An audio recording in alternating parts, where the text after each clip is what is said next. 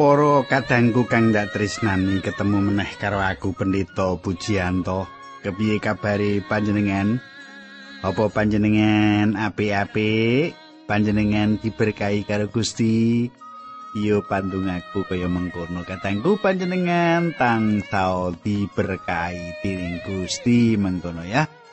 Ah, nang arepku iki ana wedang teh. Wetang bae nek era jamak-jamak aku mau wis ngombe dhisik sadurunge sowan panjenengan. Lan iki cek diterake ning studio ngene iki wah ra kepenak ngene karo matur karo panjenengan aku iso ngombe wetang.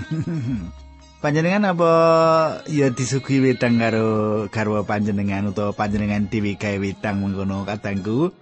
Yo, mengkono wedange digawa cerak karo radio karo mirengake andaran pangandikane Gusti awit andaran pangandikane Gusti kuwi ndadekake kekuatan batin kita nalika kita ngadepi cobaning urip mengkono ya Nah, katangku kaya padatan margi utami, program margi utami utawa adicara margi utami bakal bebarengan karo panjenengan sawetara wektu iki awit Joko kuwi sugeng midhangetake adicara iki.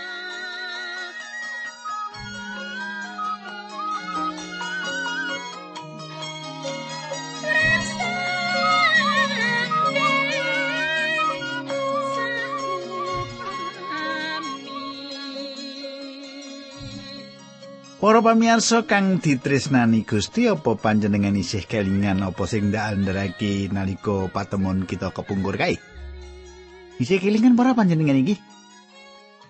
Nek ora kelingan tak baleni ning ora kabeh ya tak baleni sing utama wae supaya mung kanggo ngilingake panjenengan nek aku wis tau ngaturake babagan-babagan kang penting ing dina kepungkur. Ing patemon kepungkur kita wis ndeleng yen umat Israel ora bisa nyelaki yen wong-wong mau ngerti pangandikane Gusti Allah. Nawit Gusti Allah wis nglantarake pangandikane langsung marang bangsa Israel iki.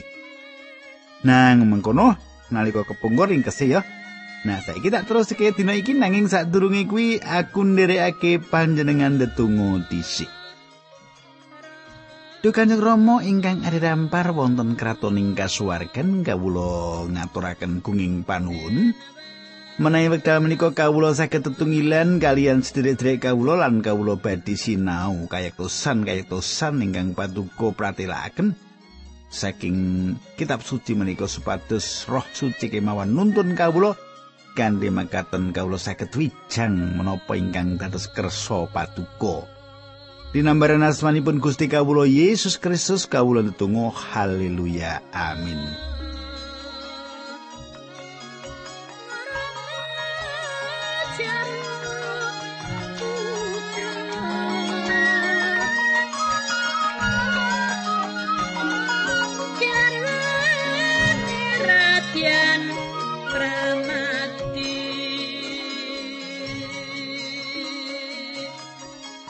Para pamirsa kang ditresnani Pasinaon kita ing wektu iki wis ngancik ing kitab pangandaring Torat telung puluh ayat 15 nganti 16. Tak beleni kita wis ngancik ing kitab pangandaring Torat bab telung puluh ayat 15 nganti 16. Tak wacake ayat 15 lan 16 mengkene surasane ing dina iki milio sing becik apa sing Allah milih mati apa milih urip? Yen kowe tresno marang pangeran Allahmu lan bangun turut marang panjenengane sarta nglakoni saking dawi sing ndak andharake ing dina iki marang kowe kowe bakal sugih banget lan dadi bangsa gedhe pangeran Allahmu bakal berkahi kowe ing tanah sing ora suwe meneh bakal kok nggoni. Katangku kang ditresnani Gusti, anggone wong Israel ana ing negara kuwi, ing negara perjanjian kuwi bakal gumantung suwe lan orane. Gumantung anggone mbangun turut marang Gusti Allah. Suwe lan orane ana negara kuwi gumantung anggone mbangun turut marang Gusti Allah. Musa menehi pokok sejarah lan kondo yen bangsa Israel bakal ditundung saka negara kuwi yen bangsa kuwi ora mbangun turut. Bangun turut karo sapa? Bangun turut karo Gusti Allah. Nanging Gusti Allah paring janji yen bakal nuntun bali bangsa mau. Kenapa? Awit bangsa iki mbangun turut marang panjenengane? Ora, ora awit bangsa iki mbangun turut karo panjenengani? Nanging ngawit Gusti Allah yasa perjanjian kanthi apik Gusti Allah bakal nggawa bali bangsa iki lan bangsa iki bakal bangun turut marang panjenengani. Ya kaya mengkene iki sejatine kang bakal dumadi gegayutan karo kita Gusti Allah paring dawuh supaya kita percaya marang Gusti Yesus minangka juru slamet kita Sawise kuwi ing sadurung Yohanes 14 ayat 15 Gusti Yesus ngendika marang kita bab pambangun turut menawa kowe padha tresno marang aku padha nglakoni pepakonku.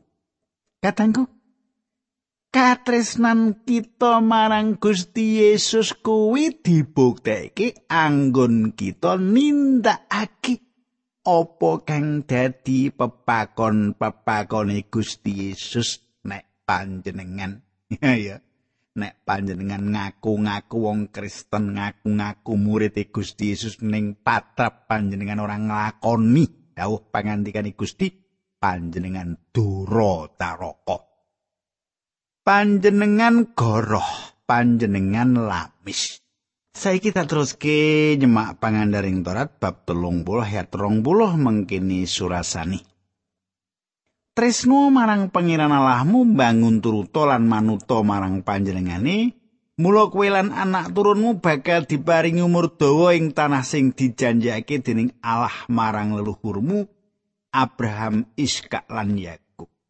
Katangku katresnanan pembangun turut sawijining ira-iran utama ing kitab pangandaring Torat Pembangun turut lan katresnan iku sawijining ira-irahan kang utama ing kitab pengandaring Torat.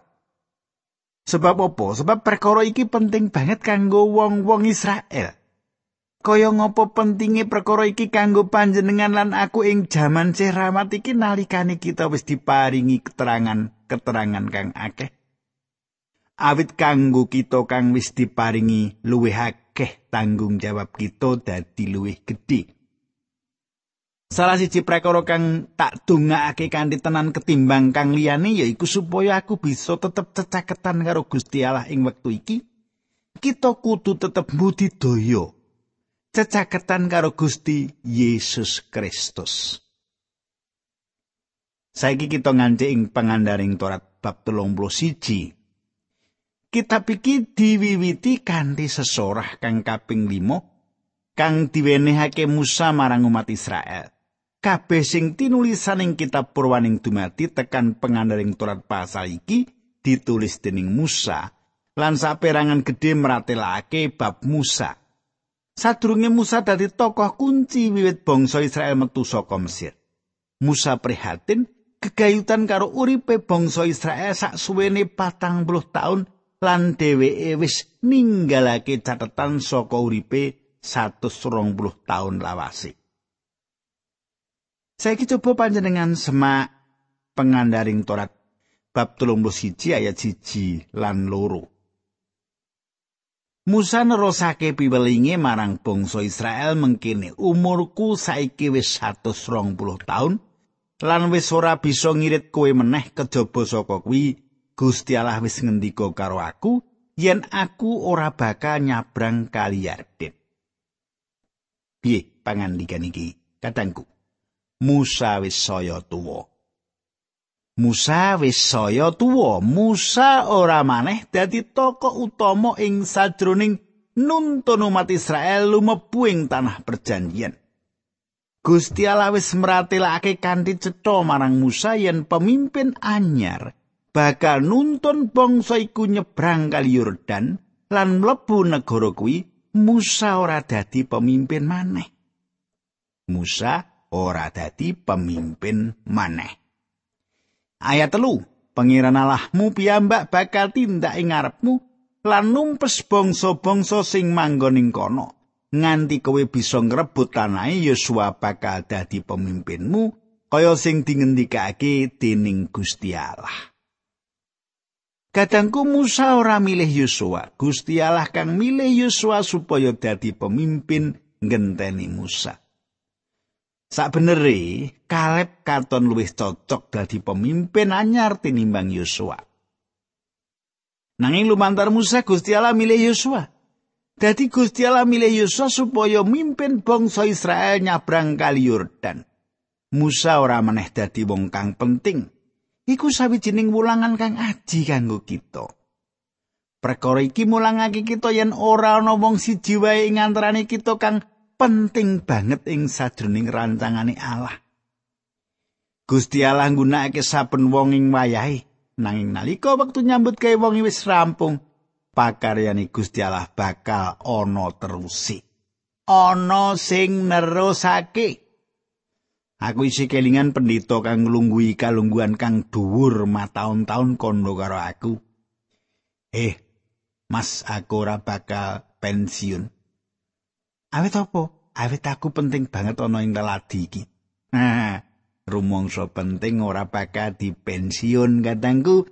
Sawise kuwi pendeta mau mati ana ing sajroning tugas nanging perkara kang dadi kawigaten yaiku leladi utawa pelayanan kuwi tambah maju sawise pendeta mau mati ketimbang karo sadurungi. Kita bisa wae duwe pikiran yen anane kita dibutuhake banget nanging sak benere ora kaya mengkono. Nalika tekan mangsane kanggo kita minggir Gusti Allah bakal nuwuhake wong liya yaiku kang dumadi gegayutan karo Musa ing kene. Cetaya saiki panjenengan aja rumangsa dinggo Gusti Allah ya. Wis dadi majelis pirang-pirang taun mau mudun gitu Nah, engko nek wis Gusti Allah nginggirake ora kanggo jenengan gelo ya. Wis to ngekeki wewengan karo cah nom-nom ben saiki cah nom-nom sing nglayani Gusti sing tuwa ndampingi wae nek diwehi tugas ya mangkat ora diwehi tugas ya matur nuwun. Pancen saiki kudu ditindakake karo wong nom-nom ben wong nom-nom duwe wewengan maju ana ing pelayanan ngono ya. Saiki bab 31 ayat 6 sing gedhe pangandilmu lan sing kendel aja wedi karo bangsa-bangsa kuwi pengiran alamu ana ing sisihmu kowe bakal ora ditigake lan ora ditilar kadangku Musa lagi nyurung wong-wong iki supaya ora wedi ngadepi taler-taler mungsuh kang ana ing negara kuwi. Panjenengan gateke yen Musa tangsa mecut turunan iki mawali-wali lan kondo marang turunan iki supaya nyebrang lan mlebu ing negara kuwi. Musa wis nglakoni lakoning Kades Barnea. Musa wis ndeleng turunan kang luwih tuwa dadi pucet lan mlayu meneh mlebu ing ora samun. Dadi Musa bulan baleni mecut turunan anyar iki supaya terus mlebu karo yakinake turunan anyar iki yen Gusti Allah bakal mimpin nalika turunan anyar iki mlebu ing negara kuwi. Saiki ayat pitu tak waca iki. Musa banjur nimbali Yosua lan ana ing ngarepe bangsa Israel kabeh Musa kondo. Yosua sing gedhe pengandel, mulan sing kendel, kowe sing bakal ngirit bangsa iki ngrebut tanah sing wis dijanjake dening Allah marang para luhuri. Katengku iki apik. Iki apik. Yo iku kang kudune ditindakake Musa mecut Yosua ing ngarepani kabeh rakyat Kanthi mecut semangate Yosua musuh uga mecut semangate umat mau. Ayat 8. Allah piyambak bakal nuntun kowe lan ana ing sisihmu. Panjenengane ora bakal negakake kowe lan ora bakal nilar kowe. Mulane aja wedi utawa nglokro ati. Katengku iki sawijining wulangan padha kang kudu disinau ing kitab Yesaya. Panjenengan iling yen pasal 6 kitab Yesaya kawiwitan kanthi tembung nalika ing taun sedane sang raja usia aku ndeleng pangeran pinara ana ing dampare kang aku Usia sadurunge wis dadi raja kang apik lan sawise dheweke mati Yesaya duwe pikiran samu barang bakal owah gingsir dadi ala kabeh bakal owah gingsir dadi ala. Wong kang dadi jejering raja bakal ditangekake lan bangsa iku bakal dadi tambah ambles. Nanging apa kang ditemokake nalika Yesaya mlebu ing pedalemane Allah, dheweke nemokake yen Gusti Allah sing lenggai dampar. Raja Israel Yehuda kang sabeneri sing lenggai dampar. Gusti Allah durung sedo malah ora lara. Yesaya sinau yen sinadiano usia mati Gusti Allah isih tetep gesam. Saiki ayat songo bab 31 pengandaring turat Musa banjur nulis sangger-anggere Allah diwenehake marang para imam lan marang para pinituwane bangsa Israel. Katangku panjenengan elingo yen kitab pengandaring turat kawiwitan kan ditembung kitab iki isi andarane Musa. Kira-kira ana wulung sesorae Musa ing sajroning kitab iku. Diwenehake kanthi cara lisan sak banjure banjur ditulis. Musa nulis angger-angger iki dikaya panjenengan ngerti teori Grab Wilhausen nampik panguwasa utawa pemenang Musa nganggep kitab Pentateuk minangka dokumen sejarah kang dikumpulake ora suwe sadurunge 400 taun sadurunge Masehi. Alasan kang kanggo nguwatake kang asri atas teori iki yaiku yen tulisan kuwi ora ana ing jaman Musa isih urip. Wis mesti wae arkeolog wis nemokake yen tulisan iki wis ana suwe sadurunge Musa urip. Nanging teori Grab Wilhausen isih dicekel dening kelompok liberal gereja awit alasan kang cetha yen ramalan kegayutan ambre Israel sawise mlebu negara kuwi pas banget kanthi mengkono wong kang ora percaya pengen mikir yen iku sawijining sejarah kang tinulis lan dudu pamedar wangsit.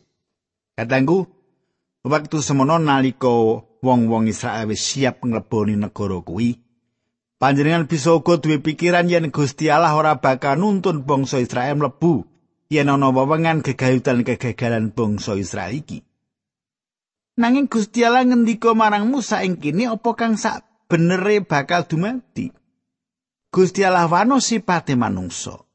Gusti Allah perso sapa to panjenengan lan aku. Panjenengan lan aku bakal ngedoh karo Gusti Allah. Kejeron menawa panjenengane ora ana ing cerake kita. Panjenengan ngatekake apa kang dingendikake Gusti marang Musa. Pangandaring Torat 31 ayat 14, 15, 16, 17. Sawise mengkono Gusti Allah banjur ngendika marang Musa, uripmu wis ora suwe meneh. Yusua timbalana mrene ajaan suwaning kemah palenggahane Allah supaya nampani pituduh-pituduhku. Musa lan Yosua banjur padha suwaning kemah suci. Gusti Allah ngetingal ning tugu mega ing sacedhake lawanging kemah pangandikane marang Musa. Ora suwe meneh kowe bakal mati, sabungkurmu Israel bakal ninggal marang aku lan mlenjani perjanjiane karo aku. Israel bakal padha ninggal aku lan nyembah marang brahala-brahala sing disembah dening bangsa-bangsa ing tanah sing ora suwe meneh bakal padha direbut. Yen wis mengkono aku bakal duka banget bangsa mau bakal ndak tinggal temah bakal katekan kasangsaran lan bebaya rupa-rupa nganti ludes sawise mengkono banjur lagi padha ngerti yen kedadian mau kabeh mergo aku pangeran alai ora nunggal karo dheweke. Kadangku saiki aku ngerti yen ana wong-wong kang kandha ing jaman saiki kita saiki beda. Kita ora bakal ngungkurake Gusti Allah, nanging apa panjenengan ngerti yen Gusti Yesus ngendika perkara kang padha kegayutan karo pesamuan? Ing sadurunge Lukas 18 ayat 8, Lukas 18 ayat 8, Gusti Yesus ngendika ngandelo.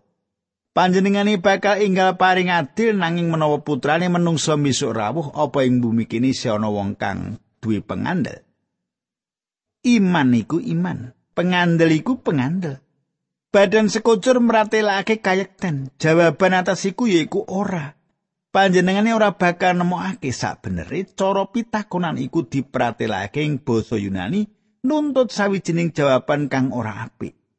Ing perjanjian anyar ana pamedar wangsit gegayutan gereja kang murtad, padha kaya kang dijongko gegayutan karo Israel ing mangsa iki. panjenengan lan aku nuju urip ana ing sajroning mangsa iki.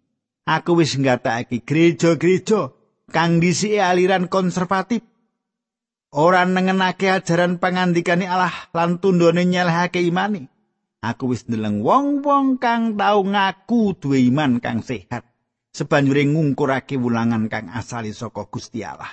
Aja kono yen panjenengan ora bisa nindakake utawa aku ora bisa nindakake. Ing jaman saiki aku luwih akeh ndedonga. Duhalah panjenengan dadosaken kula caket kalian paduka. Pengandaring Torat bab 31 19 nganti selikur mengkene surasane. Saiki kekitungan iki tulisen wulangno marang bangsa Israel supaya dadi pepeling. Bangsa iki bakal ndak irit mlebu ing tanah sing subur kaya janjiku marang para luhuri ing tanah kono uripe bakal ayam lan sarwa kecukupan. Nanging sawise mengkono bakal padha bali lan padha nyembah marang braholo-braholo. bakal padha ninggal marang aku lan mlenjani perjanjianku. Mula bakal katekan kesangsaran lan bebaya werna-werna. Nanging kitung iki bakal tansah dikitungake kanggo melehake dhewekne. Malah saiki iki sadurunge ndak irit mlebu ing tanah sing dijanjake, aku wis ngerti apa sing dadi krentek ing atine. Kadangku kitung utawa musik sawijining bab kang penting banget. Kita kabeh banget kapengaruh dening kitung. Manut aku mangsa iki saperangan kitung kang mlebu ing gereja kita, kitung kang ora pantes. Musik utawa kitung kudu meratelake sawijining prakara, kudu duwe tujuan kanggo nuntun umat luwih cerak karo Gusti Yesus. Hake-hake saka musik kita mbudidaya bisa ngrangkul para nom-noman nanging gagal nampani para nom-noman mau kanthi Injil Gusti Yesus Kristus. Ing sadurung pasal sebanjure kita bakal maca kidung mau. Saiki pangandaring Torat bab 31 ayat 24 nganti 26. Musa banjur nulis sangger-anggeri Allah ana ing kitab penulis kelawan teliti supaya aja ana sing kliwatan. Sawise rampung banjur kondo karo para imam turun Lewi sing dipasrahi ngurusi peti perjanjian. Kitab angger-angger Allah iki tanpa nono lan dekekno ing sisi peti perjanjian pangeran Allahmu supaya dadi peserti kanggo kowe umat kagungane. Kadangku kitab iki panjenengan ngerti dudu kitab kaya kang kita duweni saiki. Kitab zaman semono wujud gulungan utawa bisaga ing zaman semono ditulis ana ing lempengan kang digawe saka lempung kang digaringake. Nanging zamane Musa umat iki wis duwe gulungan kitab lan angger-angger Torat iki bisaga ditulis ana ing sadurunging gulungan kitab eling. kita lagi ana ing sajroning perangan ibadah patine Musa. Musa wis tekan pungkasane pelaporan marang bangsa iku. Musa nimbali kabeh saka bangsa iku ngrubung layane Musa dikaya Yakub nyeluk rolas anak lanang kang ngrubung dheweke. Rolas anak Yakub kuwi saiki dadi rolas taler. Saiki anak-anak kuwi dadi bangsa kang gedhe. Musa nimbali wong-wong mau. Pengandaring Torat 31 walikur nganti 30 mengkene surasane. Wes saiki klumpukno para pinituwa, para panggediran para sinopati ana ing ngarepku kene supaya bisa ndak pituturi langit lan bumi ndak dadekake seksi ing ngatasi bangsa iki. Aku ngerti yen sak pungkurku wong-wong iki bakal malik dadi wong duraka lan nampik marang piwulang sing wis ndak wulangake marang dheweke. Mulane besok bakal padha katekan kasangsaran merga wis padha njalari dukane Allah srana nerak angger-anggeri. Musa banjur ngucapake kakidungan iki nganti sak tamate dene bangsa Israel kabeh padha ngrungokake. Kadangku kang dak tresnani pratela kang digawe Musa 3500 tahun kang kepungkur iki isih tetep pas isih bener. Isi kitab iku wis diganepi secara harapiah tembung-tembung. Panjen yo bener apa kang dikandhakake bab kabeh manungsa. awit Gusti Allah wis ngendika yen manungsa pinisah karo Gusti Allah. Tundone dadi bobrok apa kang kita perlu tindakake ya kundeleng ing sakiwa tengen kita ing mangsa iki lan kita bisa ndeleng yen perkara iku kabukti bener.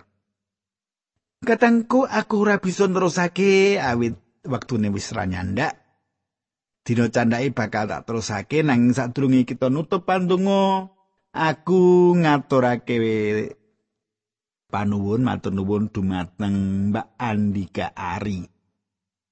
Mbak Andika Ari nyerat mengkini.